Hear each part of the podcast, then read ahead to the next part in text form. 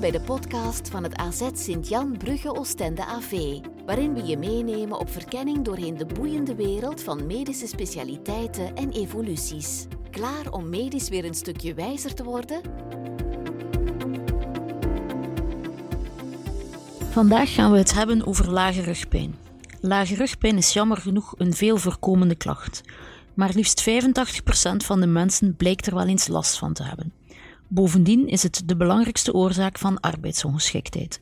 In deze podcast vertelt dokter Michiel van de Kerkhoven, orthopedist in het AZ Sint-Jan ziekenhuis, ons meer over de oorzaak, de mogelijke behandelingsmethoden en wat we zelf kunnen doen om lage rugpijn te voorkomen. Heel erg bedankt voor de uitnodiging om hier te kunnen komen spreken over lage rugpijn. Hoe komt het dat lage rugpijn zo vaak voorkomt? Daarvoor moeten we terugkeren in de tijd, naar onze voorouders. Onze voorouders, de aapachtigen, die lopen op vier poten. Wij als mens zijn geëvolueerd om rechtop te lopen op onze twee benen, met als grote voordeel dat we onze armen vrij hebben om van alles uit te voeren.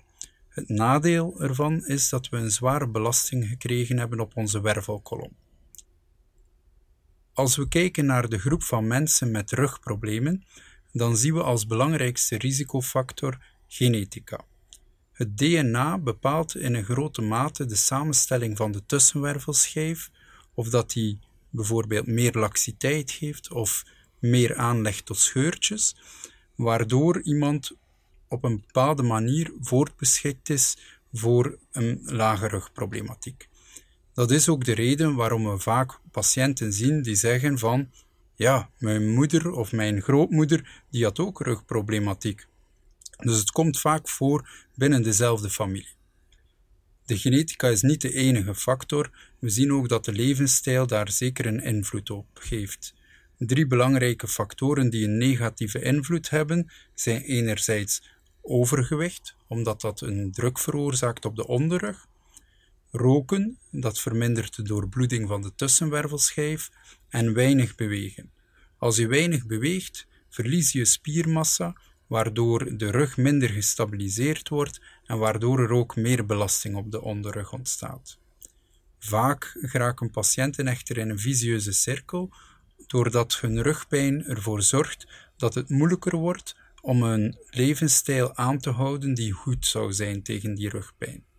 Dus dat is één groep, de groep van de mensen met een genetische aanleg. De andere groep is de groep van de ouder wordende bevolking. Elke wervelkolom, onafhankelijk welke genetica je hebt, zal doorheen het leven een verouderingsproces doormaken. Typisch gaat dit gepaard met een vermindering van de hoogte van de tussenwervelschijven en een artrose. Dit kan in veel gevallen leiden tot vernauwingen voor de zenuwen. En typisch leidt dit tot een patiënt die doorheen zijn leven relatief weinig lage rugproblematiek gekend heeft, maar dan naarmate ze ouder worden een lage rugproblematiek ontwikkelen die vaak gepaard gaat met een beperking in hun wandelafstand. 100 jaar geleden was dat dan zo. Er waren geen andere opties. Als de mensen niet meer konden wandelen door hun lage rugproblematiek, dan konden ze niet meer wandelen. Maar nu met de nieuwe technieken zijn er wel weer mogelijkheden en verwacht de patiënt ook op hogere leeftijd meer kwaliteit van leven. Ze willen kunnen eh, kwalitatieve tijd doorbrengen met hun familie en wandelingen maken. Dit is dus ook een belangrijke groep, de ouder wordende bevolking. Wat zijn de behandelingsmethoden voor lage rugpijn? Dat gaat van heel beperkt tot heel uitgebreid. Mensen komen typisch bij mij met hun probleem en de eerste stap die ik zet is heel goed luisteren. Ik luister naar hun verhaal, ik probeer hun pijnpatroon te leren kennen en ik probeer hun persoon te leren kennen. Als tweede stap geef ik uitleg. Ik probeer de mensen bij te leren over de oorzaak van hun probleem en de mogelijke aanpak. Ik ervaar dit ook als een van de meest essentiële stappen. Het is vaak een grote opluchting. Ik krijg vaak te horen het zit dus toch niet tussen mijn oren. Vervolgens geef ik enkele algemene adviezen mee voor een gezonde levensstijl En wanneer we zien dat dat niet volstaat, zal de eerstvolgende stap zijn om kinesietherapie door te voeren.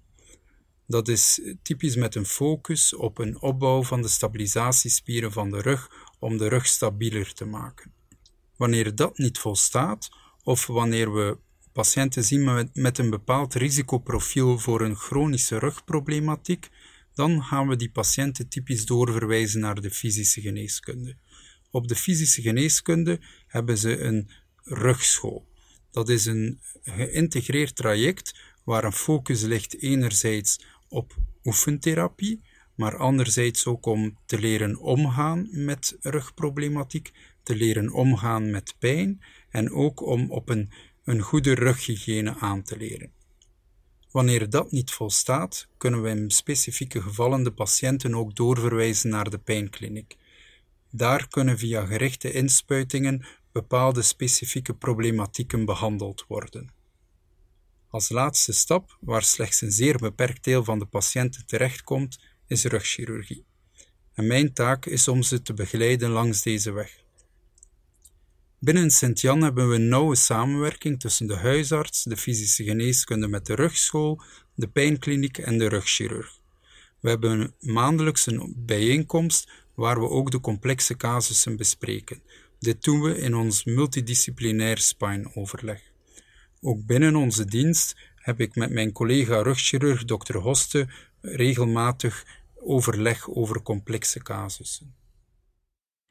Er wordt wel eens gezegd: laat je nooit opereren aan je rug. Is dat effectief zo risicovol?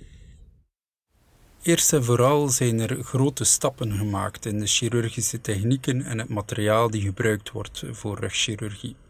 Anderzijds is er ook een grote vooruitgang gemaakt door de opstelling van richtlijnen om te bepalen welke indicaties het interessantst zijn en het best zijn om te opereren. Deze richtlijnen worden op Europees niveau bepaald en helpen ons om de beslissing te maken of een operatie al dan niet nodig is en zorgt ervoor dat we een inschatting kunnen maken of we een grote meerwaarde kunnen bieden voor de patiënt. We merken dat er bij een goede indicatie in veel gevallen een goede vooruitgang van de kwaliteit van leven te verwachten valt. Veel hangt af van de patiënt, en daarom moet ik ook weer benadrukken hoe belangrijk het is om in eerste instantie te luisteren naar de patiënt. Voor de ene patiënt kan levenskwaliteit zijn om elke dag rustig in de zetel een boekje te lezen en als ze 20 meter kunnen wandelen, zijn ze zeer tevreden. Voor de andere patiënt kan levenskwaliteit betekenen elke dag buiten zijn, elke dag grote wandelingen maken. En dat is een wereld van verschil als je een beslissing wil maken in de meest adequate behandeling voor die patiënt. De resultaten hangen af van enkele belangrijke factoren. Ten eerste de goede indicatie. Ten tweede de uitleg die we geven. Wat kunnen ze verwachten van deze ingreep? Ten derde moet de ingreep correct uitgevoerd worden. En als laatste hebben we de patiënt. De patiënt dient goed gemotiveerd te zijn en dient een bepaalde discipline voor de dag te kunnen brengen om zich aan onze adviezen te houden in het postoperatieve verloop.